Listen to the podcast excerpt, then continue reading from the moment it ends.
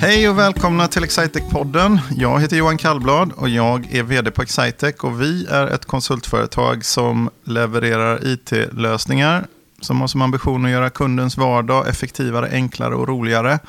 Den här podden då, den handlar framförallt om mina kollegor, vår personal och någon gång ibland eh, någon partner eller någon kund. Och idag så har jag Filip Eriksson på besök. Hej Filip! Hej! Det var ganska, du var ganska hastigt inryckt. Ja, det är i morse där någon gång. Ja, Så, eh, och nu är det, vad är klockan nu? Hon är kvart i två eller något sånt. Precis. Så du fick ändå några timmar. Mm, mm. Men jag tycker ändå du, du tvekar inte så mycket ändå. Nej. Nej, men jag, jag tycker det här ska bli kul att eh, få vara med i podden. Så att, eh, sen var det väl så att när du frågade mig så var det väl mer liksom, ja, det var inte så mycket att, att orda om utan eh, Jag tror det var det här, liksom du, att söka sådär i panik efter en uh, undanflykt. mm. Men, uh, och då sa du någonting. Jag försökte ja, ju det. Ja, jag Ja, ja, men det gick ja, men Jag har sådär liksom. konferenssamtal till 13.30 så Mm. tyvärr. Så, ja, men det är perfekt 13.30, det Mm. är precis då vi skulle tänkte Mm. börja. då fanns det ingen återvändo. Nej, det var lite besvärligt. Mm. Eh, Filip, eh, vad, vem är du då? Ja, jag är en eh, eh, kille på 25 år som, eh, Oj, är du bara 25? jag är 25 år. Du har Mm. varit här några år ändå ju. Två, två år Ja. har jag varit. Eh, jobbar på vår EFH-avdelning avdelning med eh, leverantörsfakturor. Då. Eh, och eh, framförallt med eh, implementationsprojekt och integrera mot eh, Visma Business och lite andra affärssystem. Så. Så EFH-avdelning, det är, EFH är ju elektronisk fakturahantering. Precis. Precis. I förkortningssvängen. Mm. Vad gör man då? då? Varför? Eh, Nej, vi automatiserar ju eh, kundens flöden egentligen. Eh, från att du får in en leverantörsfaktura till så att den bokas i eh, affärssystemet. Eh, och vi jobbar inte bara med så kallade omkostnadsfakturor utan vi kan även jobba med, med varufakturor där vi matchar mot eh, kundens inköpsordrar. Ja. Så på så sätt så kan vi få ett helt touchless flöde då. Eh, från att du ja, får- in fakturan till så att den är helt färdig plus att vi då uppdaterar inköpsorden. så, så du kan fler än liksom 50-10? Du kan fler konto? Ja, ja just sen är jag ju ekonom i, i grund och botten också. Just det. Så, eh, nej men det stämmer.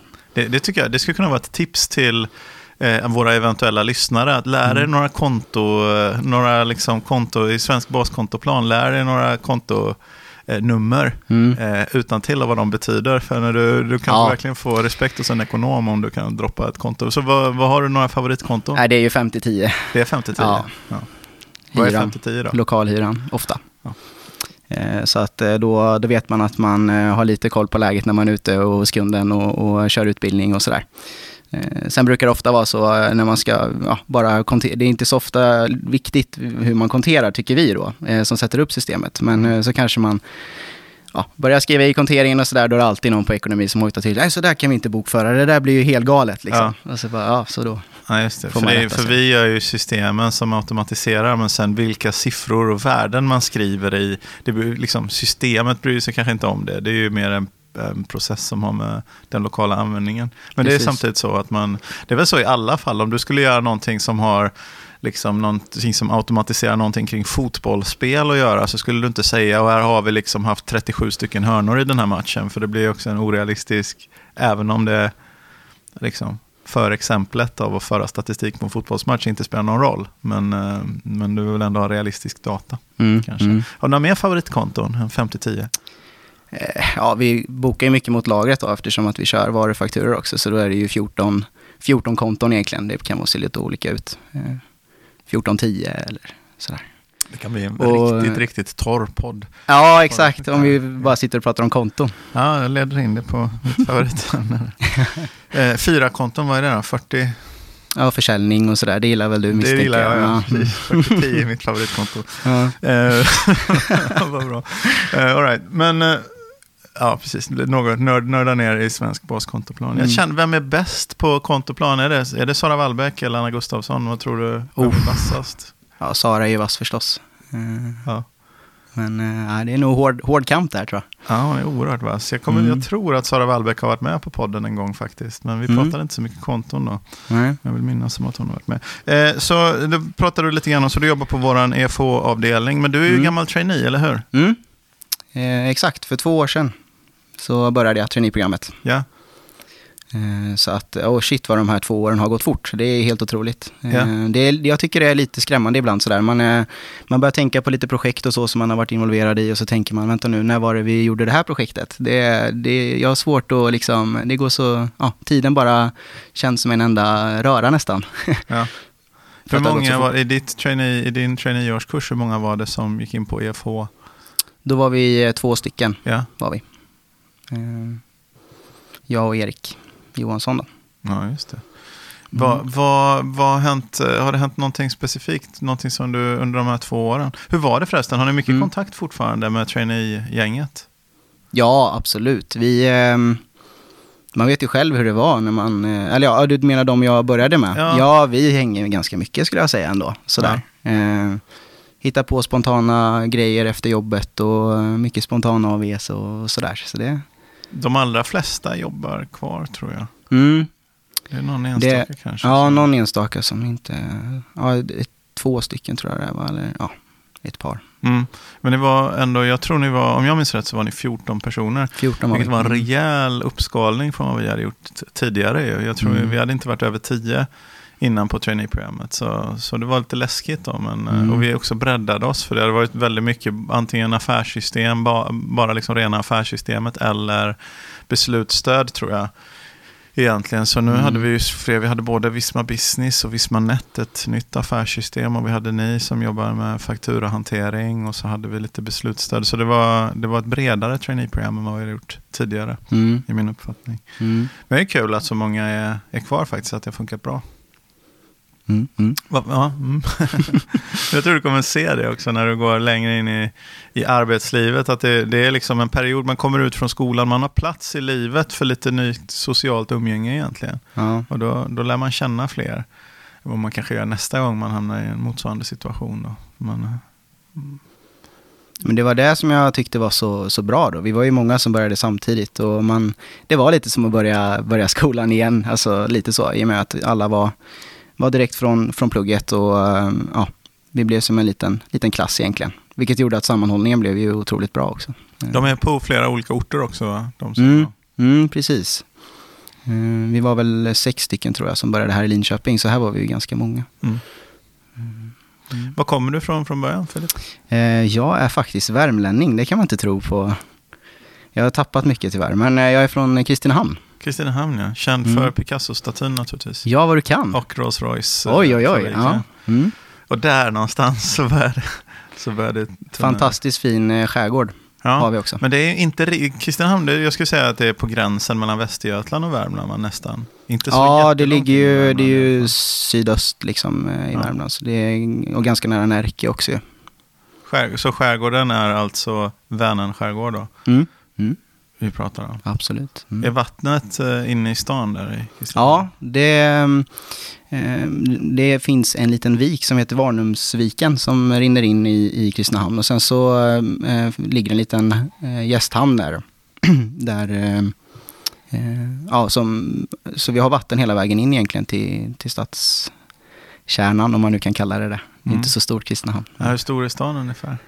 25 000 invånare har det varit. Nu kanske det är mm, 23 eller något sånt där. Ja, okej, så den är Mm. inte på, den, det är lite för långt kanske till någon större stad? Ja, det är ju Karlstad vet du, som är, det är många Bra. som väljer att flytta dit då. Ja. Eh, Och, och så, Hur långt är det till Karlstad ungefär? eh, det tar en halvtimme med bilen. Eh, Ja. Så, um, och med tåg går det ju jättesmidigt. Mm. Det är E18 då, bara raka vägen. Så att. Mm. Bodde du där till du började plugga? Eller Mm. liksom, Precis, jo men det gjorde jag. Där? Ja. Jag började um, plugga här 2012 då. Ja. Så jag bodde i Kristinehamn då i 19 år. Mm, Så jag var 19 bast när jag började plugga. Ja. 20 ja, du är så väldigt ung. Jag visste Mm. faktiskt inte att du var så ung. eh, men det, det, det är okej. Ja, men det är ju det så att man ser ju människor, så har du, du har jobbat ett tag här ändå ju. Du är nästan en inventarie. Nej, men inte riktigt kanske. Jag har jobbat här åtta år då, så det är ju lite Ja. längre. Men Mm. du kommer ju en tid när vi, det gör vi väl fortfarande, men du kommer en tid när vi växte ganska fort Mm. i detta, i detta eh, kontoret, speciellt i Linköping. Då. Det, vi växer ju fortfarande och har vuxit hela tiden. Årets tillväxtföretag i Linköpings kommun förresten. Det var en utmärkelse vi fick här för, Mm. för några, några veckor sedan. Så det, vi har vuxit bra här i, i Linköping. Då. Och generellt. Men då kommer ju en tid när det varit väldigt mycket nya människor. Så det känns som, det finns väldigt mycket människor som har kommit in hit efter dig. Ja. Så det, Men det känns ändå som att man har hyfsad, hyfsad koll ändå sådär. Eh, Mm. liksom på, fortfarande att man, för på traineeprogrammet det som var så bra var ju att man åkte runt bland alla kontor och fick lära känna ja. alla och få, få mycket ansikten och sådär. Men det, det känns som att man fortfarande har ganska bra, ganska bra koll i alla fall. Mm. Eh, Men det kan vara, vad kan vi vara här i Linköping? 50 personer ungefär skulle jag tro. Mm. Eh, men när du kom in, jag skulle tro att det var mer 30 kanske. Någonstans i den Ja, storleksordningen. 30-35 där Så det har, tror jag. det har rört Mm. på sig ganska mycket. Ja. Eh, vad, vad är något särskilt du minns från trainee-tiden då? Ehm, ja, men det var väl att man... ehm, det, var, det var en väldigt spännande period på många sätt. Ehm, men ehm, för mig var det... Allt var så himla nytt liksom. Och, och, eh, det, det var, ja, jag, jag kan inte ta ut något speciellt minne sådär. Utan det var, allt var bara nytt. Och, och, men, men häftigt också, tyckte jag. Vem, vem var din mentor? Eh, Erik Lagerqvist var, Erik var min Lagerqvist. mentor. Ja. Ja. Vad, vad tänkte jag på? Du, eh, det som du pluggade innan du kom hit, var du sa att du var ekonom Mm. eh, här förut, därav de här kontoekvilibrismen. vad, vad, vilken variant på ekonomutbildning var det som du... Jag pluggade civilekonom gjorde jag. Eh, Så fyra år då. Med eh, spansk eh, inriktning. Okej. Mm. Ja, nej men jag gillade, alltså jag har gillat språk liksom sen jag började plugga spanska redan i, i mellanstadiet, så ins- eller i högstadiet är det väl man börjar på riktigt. Då började jag känna att liksom, ja, jag hade ganska enkelt för spanskan och sådär och, och eh, pluggade även där på gymnasiet och sen så, jag tror jag valde vanlig civilekonom som, som första val sådär. Men så kom jag in på spanska programmet och det var ju, ja, superhärligt Hur, gäng. mycket, Mm. vad, vad, hur innebar det att liksom, eh, förutom att säga 40-10 på spanska, men vad, vad, gör man på ett spanskt ekonomprogram? Ja, skillnaden är väl egentligen att man eh, första året så, så läser man ju en del grammatik och sådär Mm. eh, för att få upp spanska nivån liksom. Men sen så eh, var tanken att man, eh, man läser ju först då kanske en eller två kurser på, på svenska eh, och sen så den tredje kursen blir då på spanska där man, eh, alltså det, det kallas ju fackspråk då. Ja, Så att man, eh, man läser de kurserna man läser på svenska även på spanska för att få upp liksom ekonomin, eh, språket då egentligen. Och, och så. Men var det någon utbytes... eh, Mm, det hela bygger på att man måste göra minst en, en termin utomlands. mm. Eh, så att, eh, ja. Så vi läste ganska mycket spanska faktiskt. Och, och, eh, och så blev det ju en, jag var i Valencia en termin, Ja, 2015, på våren där. en gammal stad. Ja, en underbar stad. Jag älskar, älskar Valencia. eh, Vi, eh, Vilken säsong var du där? Eh, Det var på, på våren. Ja. Så att när jag kom dit så var det ganska kallt fortfarande. Det var väl i slutet på januari, början på februari där någonstans. Eh, och, och då var det riktigt kallt faktiskt. Eh, men, men sen eh, blev det ganska snabbt varmt och härligt. Så att det, det var nog, det var en bra, bra val att åka dit på våren helt klart. Ja. Mm. Va, men det är nästan, det är sådär tjurfäktningsland nästan, tänker man på. Mm. Ja. Jo, men det finns ju en tjurfäktningsarena. Nu var inte vi på, eller jag var aldrig där på, på någon tjurfäktning, men det finns en sån riktigt fin arena mitt i, och kolla på i alla fall, mitt Ja. i stan. Eh, Hur- Hur var det att plugga i Spanien då? Det var, mm, det var ganska annorlunda. Det blir lite som att man åker tillbaka till, halkar tillbaka till eh, högstadiet eller eh, ja, ja, högstadiet skulle jag nog säga. För det är mycket så här med närvaro och sånt där som liksom, jag hade ju ändå pluggat, eh, jag var inne på, det var på tre, tredje året som jag åkte. Eh, och, och då hade man ju ändå pluggat på universitetet ett tag liksom, Mm. och, och så kommer man dit och det var lite att ta ett steg tillbaka tyckte jag med, med nivån så. Mm. Eh, och, och liksom Eh, Väldigt lärorikt, absolut. Så, eh, det, ja, det här med närvaron till exempel var liksom, det var underlag för betyget egentligen. Var Okej. man där så, och, och liksom eh, deltog så, så visste man att, ja men då gick man hem hos läraren lite grann och då, då liksom, det, det ingick i betyget liksom. Ja. Ehm, och det var, ja, lärarna gillade väl att favorisera lite sådär också, liksom att de som, som var flitiga och duktiga, de, eh, de fick en lite lättare väg. Så, så upplevde jag det i alla fall. Var det mycket internationella studenter där på din... eh, Ja, Valencia är ju en väldigt stor eh, Erasmus-stad. Ehm, så de har ju mycket kurser på, på engelska, men vi var ju tvungna att läsa eh, absolut det mesta på, på spanska då. Ja. Eh, Så jag minns det ganska väl. Så där. Vi, eh, jag hamnade i en, i en klass där det var jag och en österrikisk kille Mhm. eh, som hamnade i en spansk klass. Och det, de gick i ettan då. Och så läste vi den, eh, eh, det var en, en kurs i nationalekonomi. Eh, och de kollade ju på oss i början, du vet sådär, vad, ah, vad är det här för några liksom? Och de kan ju spanska liksom, så, här, så de tyckte det var lite häftigt och så.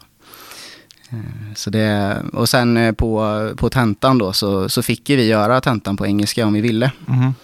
Eh, Men det ville vi ju inte, utan vi skulle göra den på spanska sådär. Och så, så då fick man ju också lite blickar så liksom när de bara, ja, är det några som ska göra det på engelska? Och så kollade de runt så här, kollade på mig och österrikaren där och så bara, liksom, eh, men, eh, ja men det var häftigt.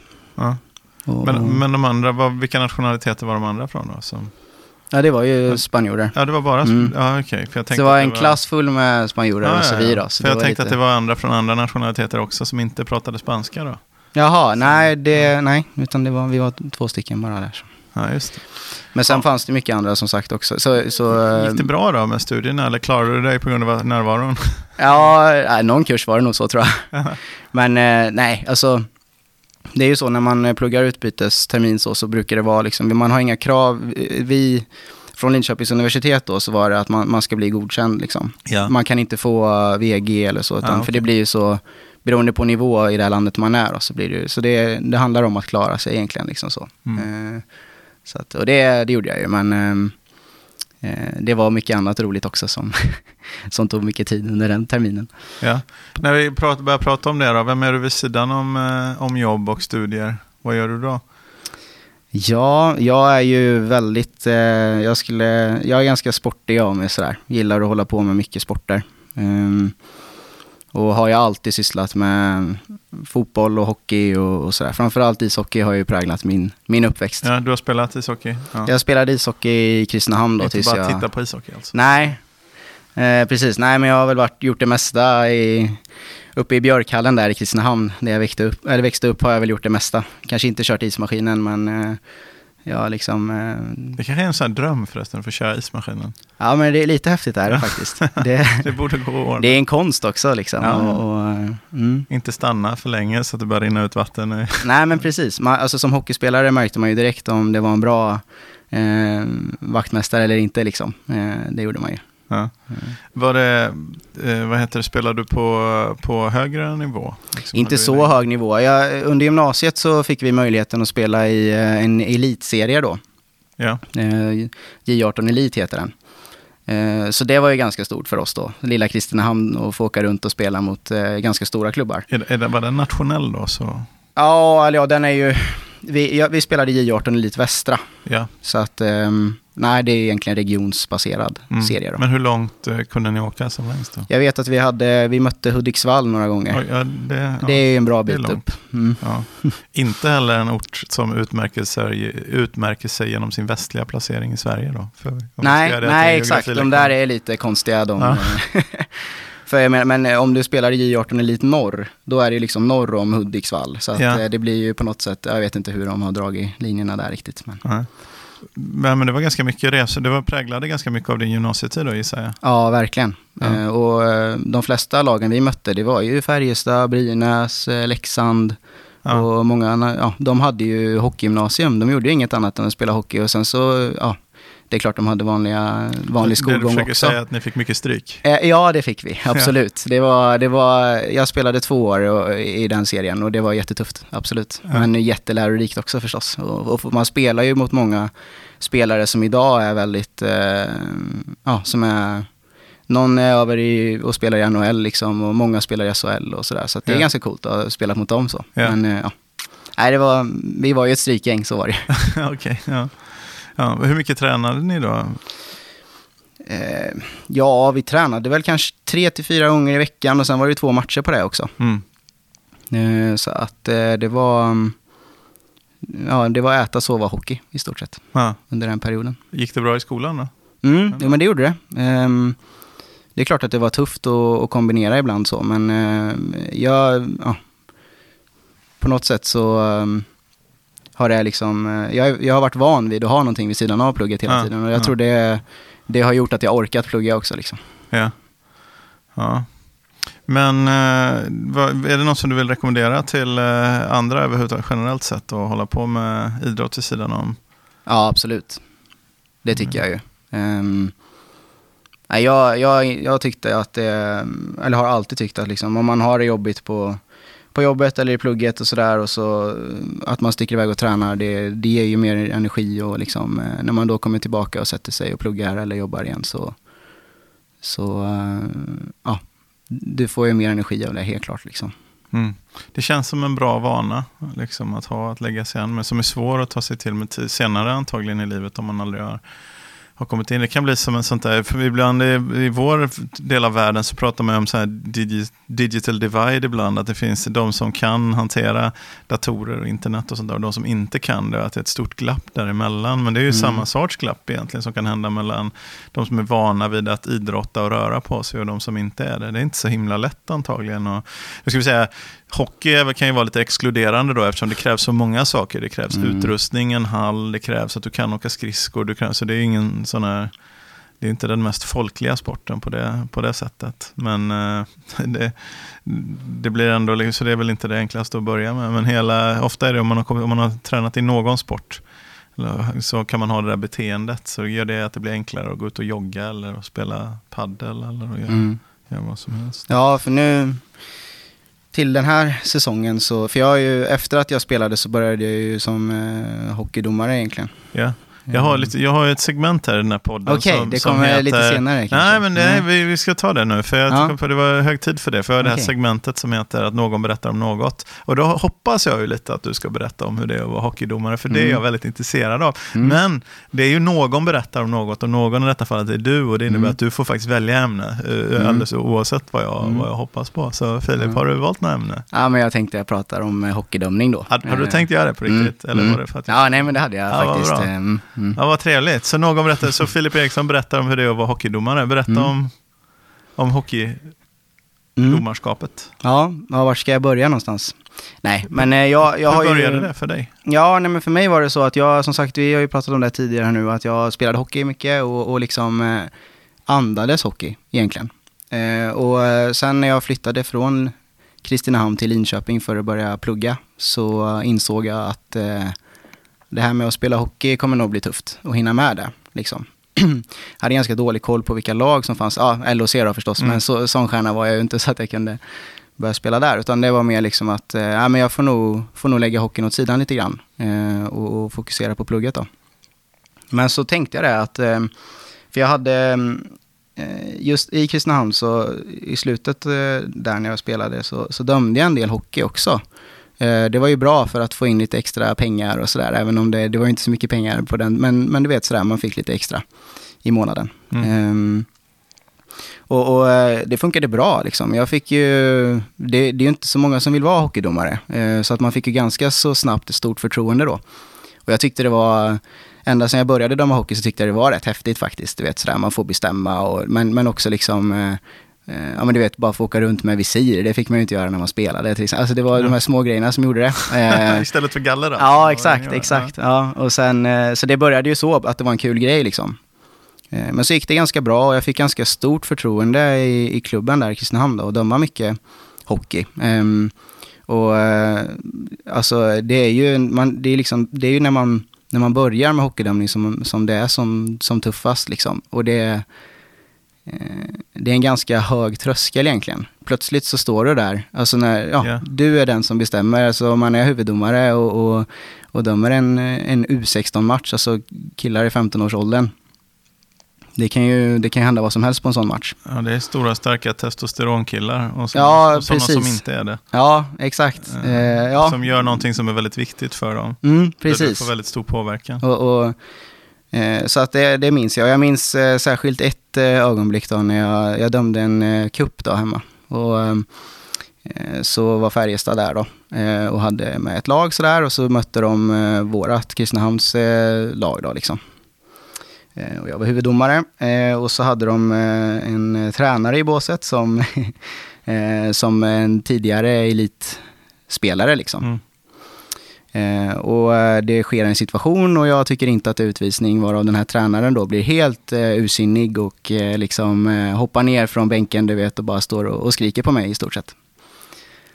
Och Och det är ju inte gammal är helt du då? lätt att... Ja, jag var nog kanske, jag, då var jag 15-16, eh, något sånt minns jag. Mm. Ehm, och ja, det, var, det var väl liksom första gången som, som man blev liksom ställdes inför en sån situation som jag sen efter det har ställts inför miljontals gånger. Liksom. Men det är, jag tror det är de situationerna som gör att antingen så, så fortsätter man döma, att man triggas igång lite på sånt Ja. där. Eller så, så rör man aldrig en hockeypipa, eller en, en domarpipa längre. Mm.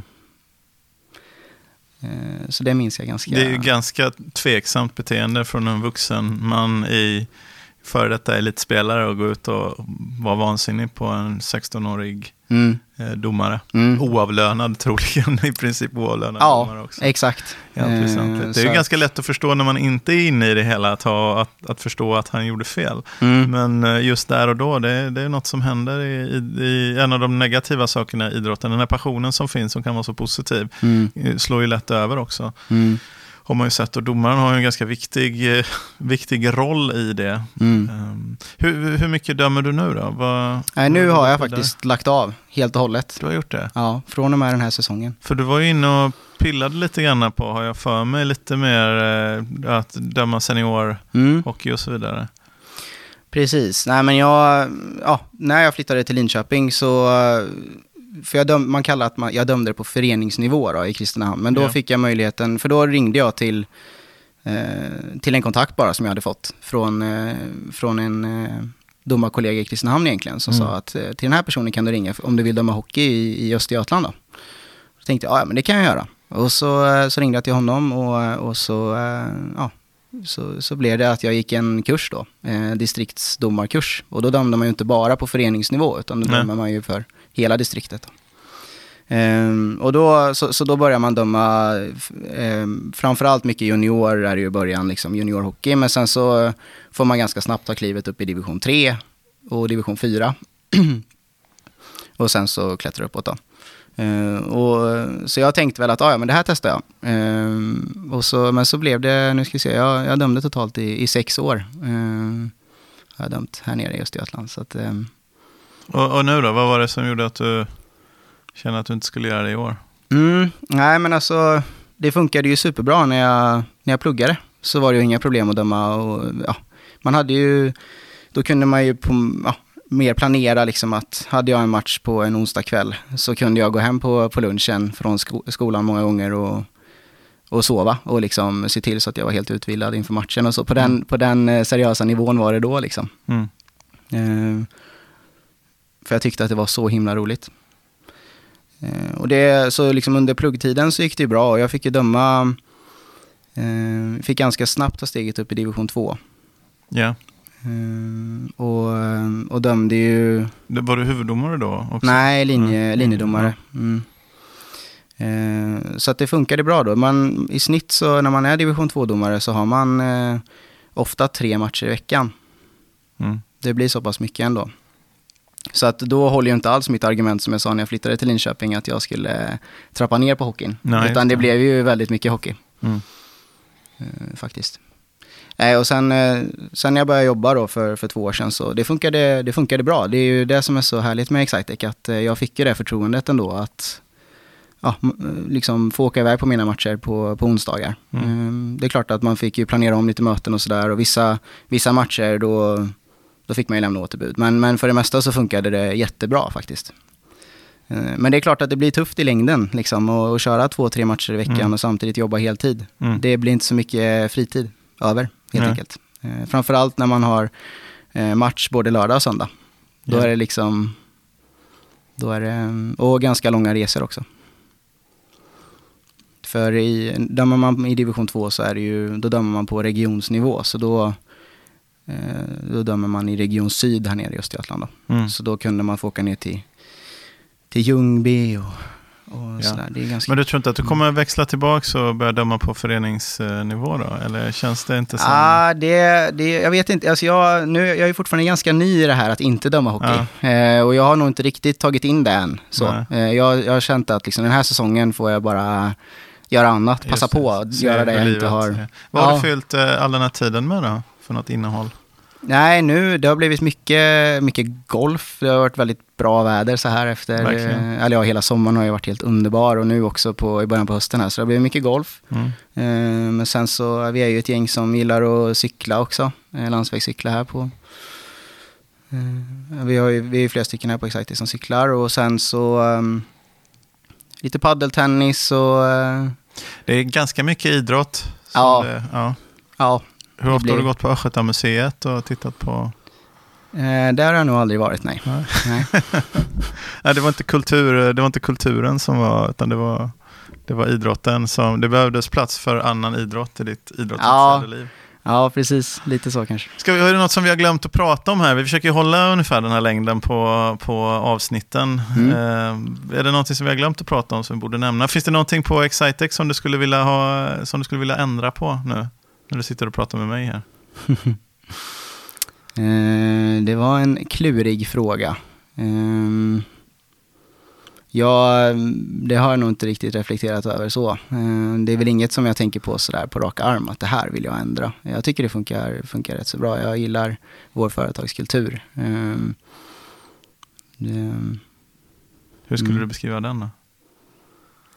Ehm, det, vi är ju ett, ett ungt företag. Man får ganska så snabbt eh, förtroende, tycker jag. Ända sedan jag började för två år sedan så, så är det ingen som har eh, stoppat mig om jag har kommit med någon åsikt eller sådär. Utan jag tycker att man ganska snabbt får, får säga till om, eh, om saker. Ehm, det gillar jag. Mm. Och, och, ehm, en otroligt härlig, härlig grupp liksom. Mm. Mm, lågt eller högt i tak men ändå liksom inte... Mm, nej men jag...